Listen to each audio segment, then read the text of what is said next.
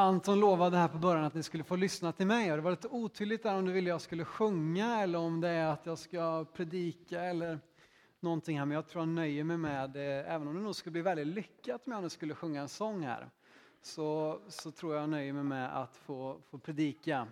Eh, ja, jag vill ha en sång här framme, det får ni vänta på till midsommar kanske. Då kanske det blir en sång här, vem vet.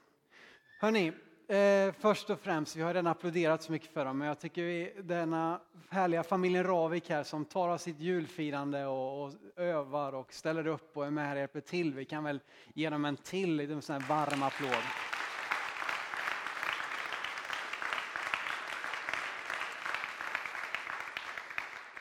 Det är vi eh, väldigt tacksamma för. Och eh, underbart så här att få lyssna till alla de här sångerna. Det finns så många julsånger. Eh, och så här på juldagsmorgon så hoppas jag att ni har kommit in i julstämningen.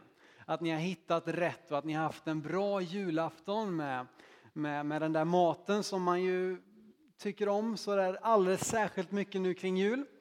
Ehm, och det här kring, nu kring jul här så kan det ju vara lätt då att man hamnar i, i allt det där runt omkring. Att man hamnar i, i julklappar och, och allt så här. Och, och, just bara att ni har kommit hit visar ju på något sätt att ni har med ändå Jesus i den här bilden. Men man kan ju kanske börja tänka lite extra mycket sådär nu kring jul. Och det, det, liksom, det sjungs julsånger överallt, det är julpyntning och det är konserter, har ju varit hela december. Och kanske man börjar tänka lite, lite extra på vad det egentligen är som ligger bakom allt det här. Och uppvuxen i Sverige då som ju eh, traditionellt i alla fall har varit ett kristet land så kan det vara ganska lätt vad man, vad man svarar på de frågorna. Men jag tänkte jag skulle börja med att fundera lite kring detta. Vem tänder stjärnorna? Ni har kanske hört den här kända sången av Eva Dahlgren som hon skrev för ett antal år sedan. Men den är en ganska, ganska väl värd fråga att ställa. Vem tänder stjärnorna? Vad är det egentligen som ligger bakom allt detta? Vad är det vi ska finna svaren den här juldagsmorgonen? När vi kanske börjar tänka lite extra mycket på allt det där som har med livets mening och så att göra. Och idag då, jag sa tidigare att, att, Sverige har ju varit ett kristet land och visst vi skulle ju kalla det än idag men det är inte längre så att kristendomen är den enda religionen som, som finns att välja på. Utan tvärtom så finns en uppsjö med olika religioner, en mängd olika svar. Och det är inte längre så att Europa är en kristen kontinent enbart utan tvärtom så kan du hitta alla egentligen stora religioner i stort sett vilket land du än kommer till. Hur ska man då veta vad man ska välja? Vad är skillnaden mellan dessa olika religioner? Och vad säger deras olika heliga skrifter och så vidare? Och de allra flesta då orkar ju inte riktigt göra en grundlig liksom genomgång av allt detta utan man nöjer sig med att antingen avfärda alltihop, är det är bara trams, det här med tro det kan vi liksom, det är ju det liksom lämnar vi för länge sedan. Det är ju bara de som inte har tillräckligt mycket intellekt som, som har någon tro på något högre väsen. Eller så, ställer, så väljer man att säga nej men det är nog samma alltihop. Liksom. Det är väl samma Gud oavsett vad du har för religion och sådär. Och eh, med bara då liksom den här korta överblicken så kanske man tycker att ja, men det är ganska bra svar. Jag tror de flesta svenskar, jag kan inte säga att det är någon statistiskt säkerställd uppskattning, men min uppskattning personligen är att de flesta svenskar nöjer sig med en sån, eh, någon av de här två svaren. Det finns ingen Gud eller ja, men allt är nog ändå typ samma. Men kikar man lite närmare så kan man se att vi kunde nog inte ta mer fel.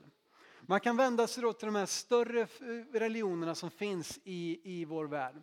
Eh, det finns ju såklart en uppsjö av andra religioner och strömningar och, och, allt möjligt. Men om vi bara kikar lite på de här som ändå är de som har hängt med längst och som är de största religionerna i vår värld. Har vi då samma Gud allihopa? Tittar man på islam till exempel, som väl många skulle säga är det som står närmast kristendom och kanske framförallt judendom, då, så tror jag omöjligt att vi kan tala om samma Gud. Inom islam så är Gud ouppnåelig och upphöjd över allt mänskligt på ett sätt som lämnar människan helt åt sig själv. Det finns ingen, ingen, ingen som talar om just detta att eh, att vi kan liksom få en, en sådär personlig kontakt med Gud. Utan Gud han är upphöjd, han är över allt annat. Um, Och vi ska leva då i underkastelse. Det betyder faktiskt underkastelse i islam. Att underkasta sig. Och blidka Allah och leva ett rättfärdigt liv enligt med de fem pelarna av trosbekännelsen och bönen och vallfärden och så vidare. Om man kikar då på hinduism då, som vi, vi nog skulle vara ganska överens om känns ganska långt ifrån kristendomen, i alla fall geografiskt, finns ju mest i Indien och sådär. Där så kan man nästan konstatera att allt är Gud. Allt som du vill ska vara en Gud kan vara en Gud. Ungefär. Ehm, men fortfarande så finns det den här ouppnåeliga kontakten med gudarna som, är, som, som människorna fruktar och som man blidkar genom att offra olika offer och ge till dem för att eh, man ska få en bättre karma, att man ska göra goda gärningar så att man till slut då kan uppnå moksha och slippa återfödas i detta ständiga kretslopp utan istället uppgå i världsalltet, i Brahman. Det låter intressant. Buddhismen då? Det handlar om att inse att allt är lidande. I, i, eh, I grund och botten så finns det faktiskt ingen gud i buddhismen. Sen har man gjort, vissa har gjort Buddha till gud och så vidare. Men i grund och botten så är buddhismen en ganska ateistisk, eh, ursäkta mig att det puffar lite här men det är ingen fara. Eh, jo, buddhismen handlar om att inse att allt är lidande. Buddhas första predikan som är den som man liksom grundar de här fyra sanningarna går ut på detta. Det finns lidande i världen. Orsaken till lidandet är begäret. Begäret kan och måste utplånas. Vägen till att släcka begäret är den åttafaldiga vägen. Det var upplyftande budskap här. Så genom att göra rätt, genom att ha rätt tankar, rätt livsföring, genom att avskärma sig från allt annat så kan man till slut koppla sig fri från allt detta lidande och då uppnå, nir, eh, uppnå nirvana, va? heter det i buddhismen istället. Ja, i vilket fall som helst då. Men om man då jämför dessa olika religioner som många skulle säga, men ni tror ju på samma sak allihop. Om man tittar istället på kristendomen. Så kan vi säga att Bibeln presenterar någonting helt annat faktiskt. Nämligen Jesus. Och Jesus för mig står för allt det som alla de här andra religionerna saknar. Ehm, och beskriver Bibelns Gud som någonting helt annat. En Gud som är kärlek istället för att kräva kärlek. Ganska stor skillnad. Läser du Koranen till exempel så de allra flesta ställena där kärlek står så handlar det om vad Gud inte älskar. Inte vad han älskar och inte att han själv då älskar så många, förutom de som gör rätt. De älskar han, står det på väldigt, väldigt många ställen. Men Bibeln beskriver Gud som kärlek, att han är det. Det är inte bara någonting han har, någonting han visar ibland, utan han är kärlek. Kristendomen presenterar en Gud som tar vårt straff istället för att straffa. Det är en stor skillnad också. Synden i våra liv som gör att vi gör fel, det kräver ett straff. Men Jesus kom för att bli straffad i ditt och mitt ställe och det är något helt unikt som du inte kan finna i någon annan av dessa religioner. En Gud som erbjuder förlåtelse istället för att kräva botgöring. Det är inte så att Gud står där och kräver, nej men nu ska du minsann betala tillbaka. Utan tvärtom så får vi liknelse efter liknelse, undervisning efter undervisning som beskriver hur Gud erbjuder förlåtelse till var och en som är beredd att ta emot den och också vända sig bort ifrån det som man har gjort som är fel. Någonting helt annat. Och hela den här frälsningsplanen, hela den här, det här budskapet fullkomnas i Jesus. Han är hela skillnaden, inte bara en del av biten, inte bara någonting som vi läser om i Nya Testamentet, utan tvärtom så är hela Gamla Testamentet en lång förberedelse fram till att Jesus skulle komma. Och du kan hitta det över hela Gamla Testamentet, men det särskilt kanske så, så sticker det ut i, um, i, uh, i Jesaja där det står Gud med oss. Och vi ska läsa något bibelord därifrån, ifrån uh, eh, Eh, Jesaja 7 och 14 där det finns just det här ordet Gud med oss, Immanuel. Och det här skrevs, och tänk på detta, det här skrevs 700 år före Kristus. Eh, och eh, kanske inte det kommer som en nyhet för er alla, men försök ändå tänka till att det här är alltså en beskrivning av vad Jesus skulle göra och vad som skulle ske 700 år före att det faktiskt hände. Jag brukar vara nöjd om jag lyckas liksom lista ut slutet på en romantisk komedi då tycker jag att jag är liksom i framkant och håller mig framme. Här så förutsäger Gud någonting 700 år före att det faktiskt sker.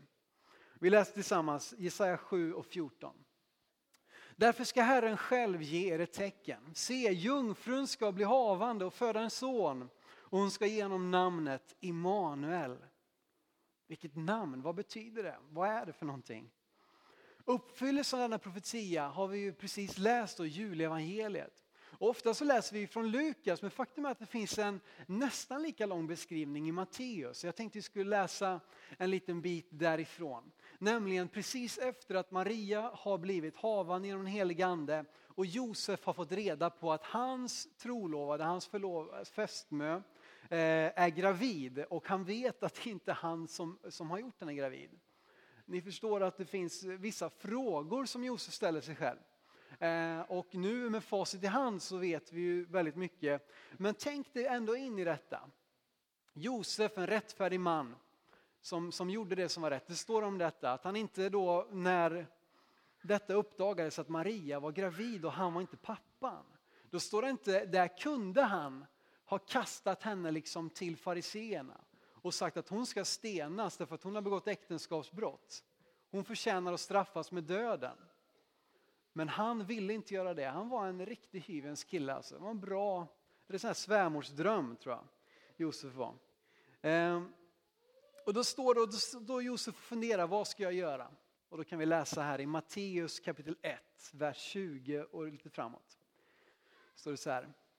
Men när han tänkte på detta Josef, se då visade sig en Herrens ängel för honom i en dröm och sa Josef, Davids son, var inte rädd att ta till dig Maria, din hustru. Ty barnet i henne har blivit till genom den helige ande. Hon ska föda en son och du ska ge honom namnet Jesus, ty han ska frälsa sitt folk från deras synder. Allt detta skedde för att det skulle uppfyllas som Herren hade sagt genom profeten.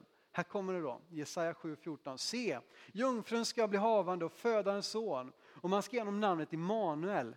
Och här kommer också förklaringen, det betyder Gud med oss. När Josef vaknade upp ur sömnen gjorde han som Herrens ängel hade befallt, tog sin hustru till sig, men han rörde henne inte förrän hon hade fött en son. Och honom gav han namnet Jesus. Och Jesus fick också ett fantastiskt bra andra namn eller mellannamn eller vad man kallar det, nämligen Immanuel. Och det betyder Gud med oss. Och det är någonting alldeles fantastiskt att få veta detta. Att hit, hit, Gud klev ner hit till jorden och blev Immanuel, Gud med oss. Han valde inte att vara kvar där uppe på tronen, han hade kunnat gjort det. Han hade kunnat spendera sitt, sitt, sin evighet i himlen, i härligheten.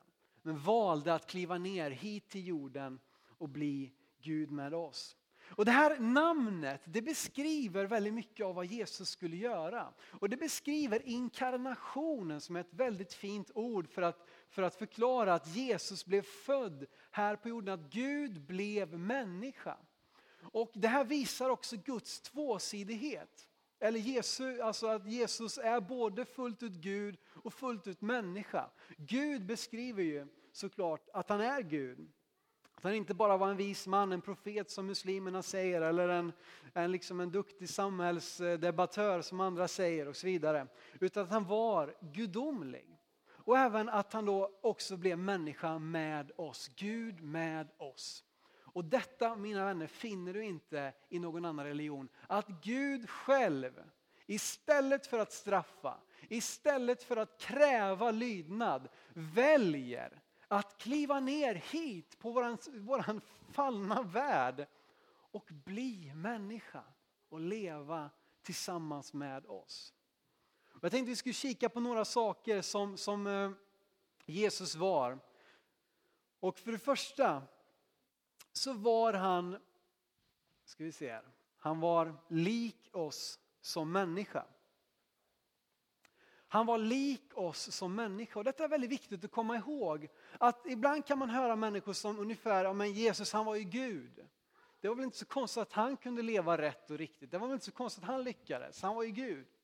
Men det är viktigt att komma ihåg att Jesus när han vandrade här på jorden så gjorde han det som människa. Och det är viktigt att slå fast det. Och vi kan läsa bibelordet Johannes 1 och några verser där i första kapitlet. I begynnelsen var ordet och ordet var hos Gud och ordet var Gud. Han var i begynnelsen hos Gud. Här, det är alltså beskrivningen av Jesus. Vidare fram i vers 14. Ordet blev kött och bodde bland oss. Och vi såg hans härlighet, en härlighet som den enfödde har av Fadern. Han var full av nåd och sanning. Nämligen att ordet Jesus som var i begynnelsen, alltså som beskriver hans, att han var gudomlig, att han blev också människa, att han blev kött betyder att han blev människa. Han kom hit ner till jorden och han vandrade här ibland oss. Han var full av nåd och sanning. Och vidare kan vi läsa om det Hebreerbrevet kapitel 2 som också beskriver om eh, eh, att Jesus var som en av oss. Och det här tycker jag är ett fantastiskt bibelord. Hebreerbrevet 2, vers 17 och 18. Därför måste han i allt bli lik sina bröder för att bli en barmhärtig och trogen överstepräst inför Gud och sona folkets synder. Eftersom han själv har lidit och blivit frestad kan han hjälpa dem som frestas. Det här är fantastiskt. Gud har precis som du och jag gått igenom prövningar. Han har precis som du och jag blivit frestad. Han är lik oss som människa. Han är inte något upphöjt liksom överallt som, som, som inte kan förstå vad du och jag är med om. Han är inte som, som eh, muslimernas Gud som är långt, långt borta, ouppnåelig. Han har blivit frestad så som dig och mig och därför så kan han förstå. Och bara för att vi inte bara ska ha den här nu religiösa bilden av att Jesus han är med oss och han ligger i krubban och det är vackert och fint. Så tänk på detta att Jesus han vet hur det är att inte ha mycket pengar. Jesus han vet hur det är att få vända på varje krona. Han var inte uppvuxen i en förnäm och rik familj.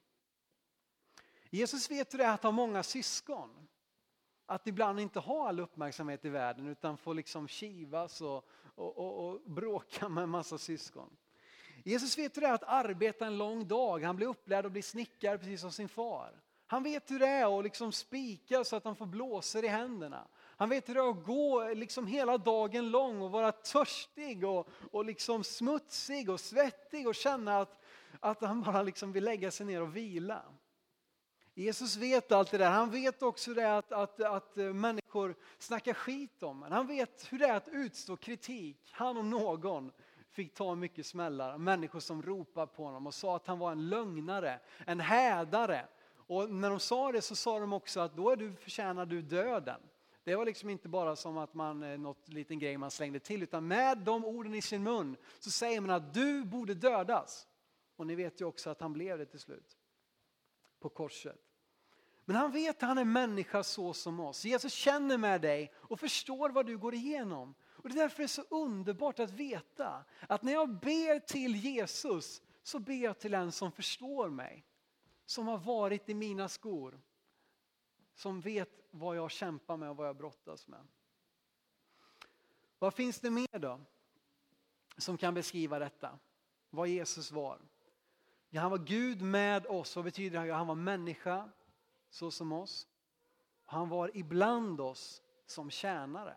Det här är också någonting helt, alltså, jag vet att många av er har hört de här texterna, många av er har tänkt på de här sakerna, men förstå här att kungars kung och herrars herre kom inte hit för att liksom få en massa fans, för att få ha rika stora banketter där alla skulle hylla honom, ära honom, putsa hans skor, mata honom med vindruvor och allt det där. Han kom hit och gick ibland oss som tjänare. Matteus 20, vers 25 och några verser framåt. Så håller lärjungarna på att bråka med varandra om vem som är störst. Och Jesus han ger svar på tal, precis som vanligt. Så här står det. Jesus kallade dem till sig och sa, ni vet att folkens ledare uppträder som herrar över sina folk och att deras stormän använder sin makt över dem. Men så ska det inte vara bland er. Nej, den som vill vara störst bland er ska vara de andra tjänare. Och den som vill vara främst bland er ska vara de andra slav. Så har inte heller Människosonen kommit för att bli tjänad utan för att tjäna och ge sitt liv till lösen för många. Nu, nu hängde inte ni med den sista versen här, jag ber om ursäkt. Men ni hörde förhoppningsvis. Vi tar den sista meningen en gång till. Så har inte heller Människosonen kommit för att bli tjänad utan för att tjäna och ge sitt liv till lösen för många. Detta är ofattbart.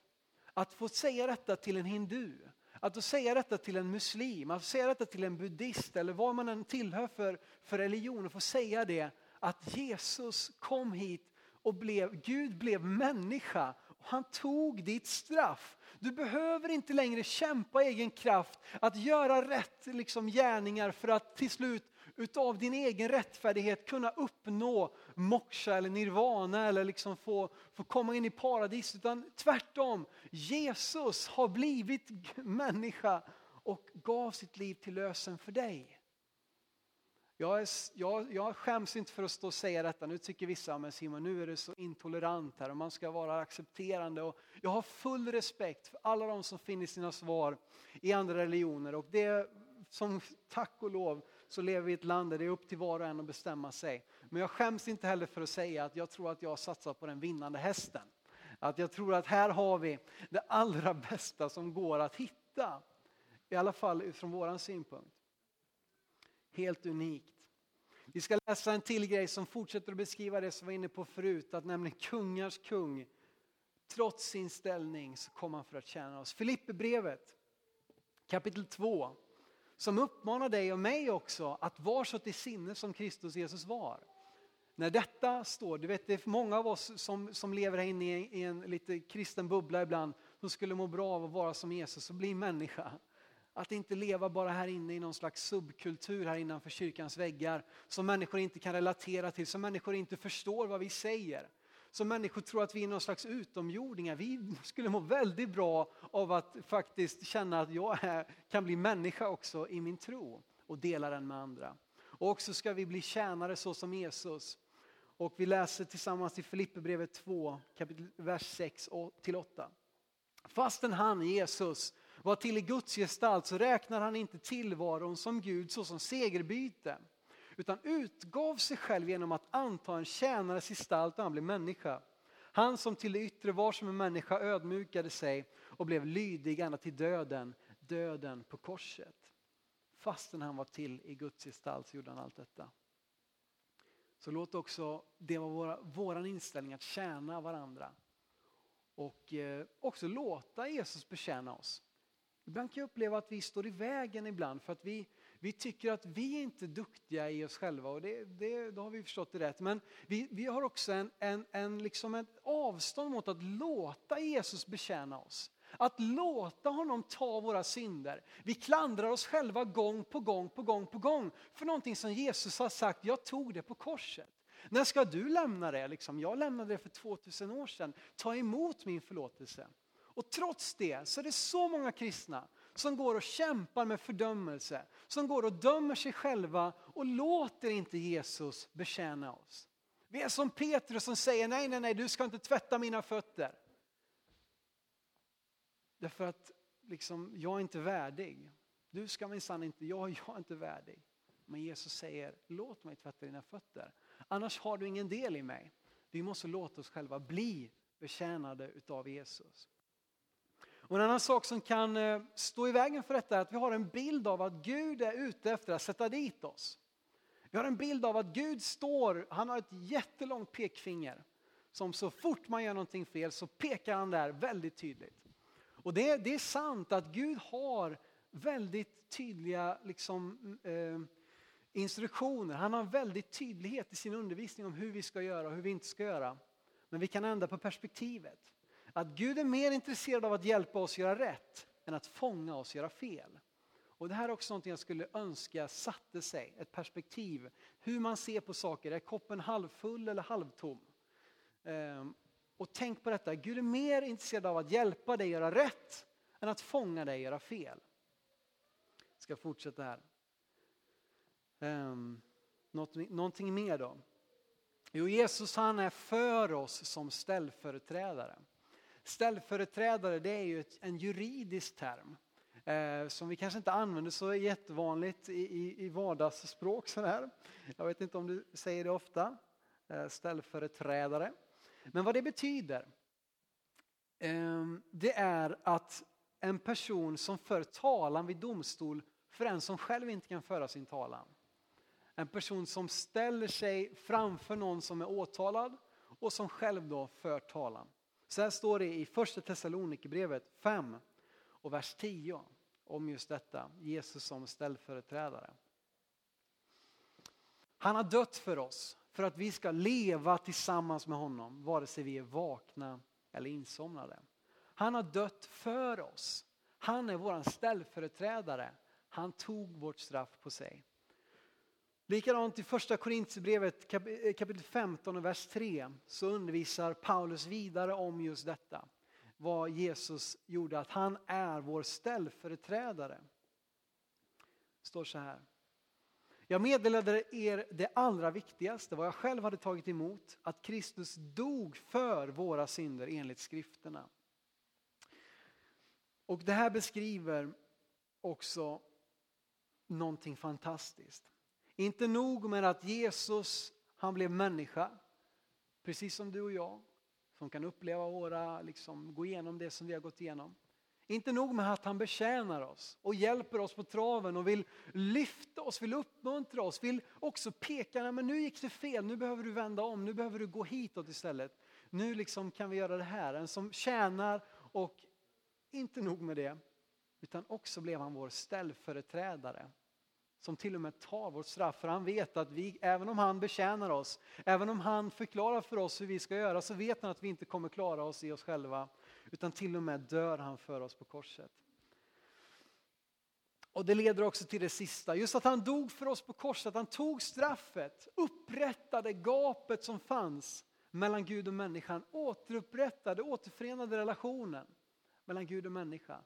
Så innebär det också att Jesus kan vara i oss som det nya livets kraft. I oss.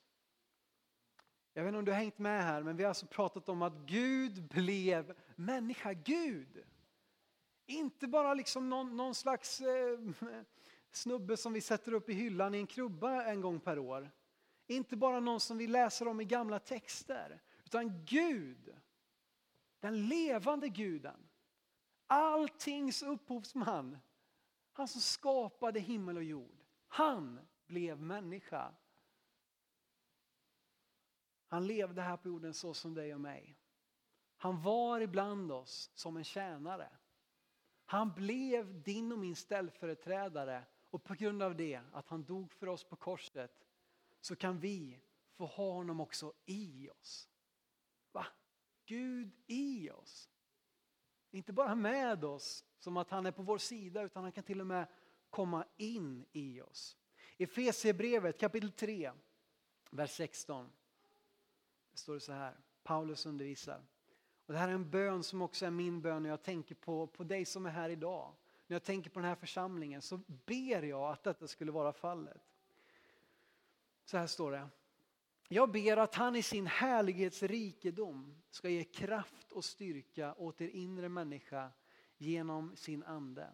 Och att Kristus genom tron ska bo i era hjärtan och ni ska bli rotade och grundade i kärleken. Kristus genom tron ska bo i era hjärtan. Hur kan han komma in dit? Jo, genom att vi tror. Genom att vi vänder oss bort ifrån allt det som, som är emot, vänder oss bort från allt det som är fel, vänder oss till honom, tror på att han dog för oss, tar emot hans förlåtelse och tack vare det så kan han leva i oss genom tron på honom. Inte genom gärningar så att någon skulle kunna berömma sig själv utan på grund av, av tro, eh, nej förlåt mig, av nåd genom tro. Så blir det rätt va? Eh, och kan också läsa ett till bibelställe, Johannes kapitel 14 och vers 23. Jesus svarade om någon älskar mig håller han fast vid mitt ord och min fader ska älska honom och vi ska komma till honom och ta vår boning hos honom. Jesus tar sin boning hos oss, i våra hjärtan får vi ta emot det. Och detta är fantastiskt. Och det är, jag önskar att, att, att du som har varit på tusen julottor, precis som Georg Gustafsson var, eh, att du tänkte på detta, att detta blev en ny upptäckt av att Gud med oss, Immanuel Gud med oss. Och eh, att det skulle landa i våra hjärtan. Och ibland så kan vi ha en förmåga att förminska Jesus. Att vi, att vi liksom eh, sätter honom i en låda i våra liv. Att han får vara med, att liksom han kommer in i vårt schema, i våra program. Ja, men där på tisdagskvällar då, då tränar jag på gymmet. Där på liksom måndag till fredag jobbar jag. Och där och där på söndag förmiddag då, då, då är Jesus med. Och så en liten sväng där på, ja, när det nu är. Men jag önskar att vi inte skulle förminska honom, utan vi skulle låta honom betjäna oss. Låta honom bo i våra hjärtan. Och ge oss själva tillbaka till honom. Allting började där i krubban. Som, ja, där föddes han. Och han gjorde det med en anledning att förverkliga den här profetian, Immanuel, Gud med oss. Att han skulle leva här, allt det som vi har pratat om, och också dö för oss. Och få vara med om det som, som vi kan läsa om i Jesaja. Vi har läst det flera gånger redan den här eh, jul eller adventssöndagarna. Vi ska läsa det också idag som bara en förstärkning av vad Jesus kom hit för att göra. Så till sist läser vi från Jesaja kapitel 9, vers 6. Ett barn blir oss fött, en son blir oss given. På hans axlar vilar herradömet. Hans namn är Under, Rådgivare, Mäktig Gud, Evig Fader, fridsfurste. Tack Jesus för att du kom hit till jorden. Att du dog för våra synder att du bar straffet på dig. Att du inte räknade din gudsgestalt som segerbyte, Herre. Utan att du valde att utstå lidandet, att leva här som oss, att leva bland oss. För att vi skulle kunna ha en relation med dig, för att vi skulle kunna få allt det som Bibelns löften talar om och lovar oss, Herre. Jesus, jag ber om att den här stunden, att vi skulle få en förnyad förståelse av vad du är och att vi får ha en relation med dig. Jag ber också för den som kanske har glidit bort ifrån dig Herre Jesus, att du ska leda oss till dig Herre. Tack Jesus att du just nu svarar på varje människas bön Herre Jesus som vänder sig till dig Herre. Jag ber Gud om att den här avslutningen av vår gudstjänst Herre Jesus skulle vara en, en, en dialog Herre Jesus med dig. I sången, i bönen Herre Jesus, där du kan tala och verka Jesus. I Jesu namn. Ska be eh, sångarna här att komma fram. Och vi ska också be våra förebedjare komma fram och sätta sig här på, på våra första bänkar. Och eh, vi kommer sjunga några sånger här på, till sist också. Eh, vi kommer sjunga för oss och någon sång med oss. Ni kan komma fram nu. Eh, både sångare och förebedjare. Och under det här slutet här nu på vår gudstjänst så är ni allesammans välkomna fram, du som söker vill ha förbön, vill ha hjälp i bön. Ehm, och jag tror också vi kan tända ljusbäraren. Om det är någon som känner att du har något särskilt bönämne, någon som du vill be för, så är du varmt välkommen fram och tända ett ljus och, och, och be för, för den personen, eller den situationen eller vad det nu är som du kämpar med. Så tar vi den här sista stunden i vår gudstjänst inför Gud och i dialog med honom. Eh, så att när du nu lyssnar till sången och när du eh, är med här på slutet så, så ta den här stunden nu att tala med Gud och söka honom på det sätt som du önskar.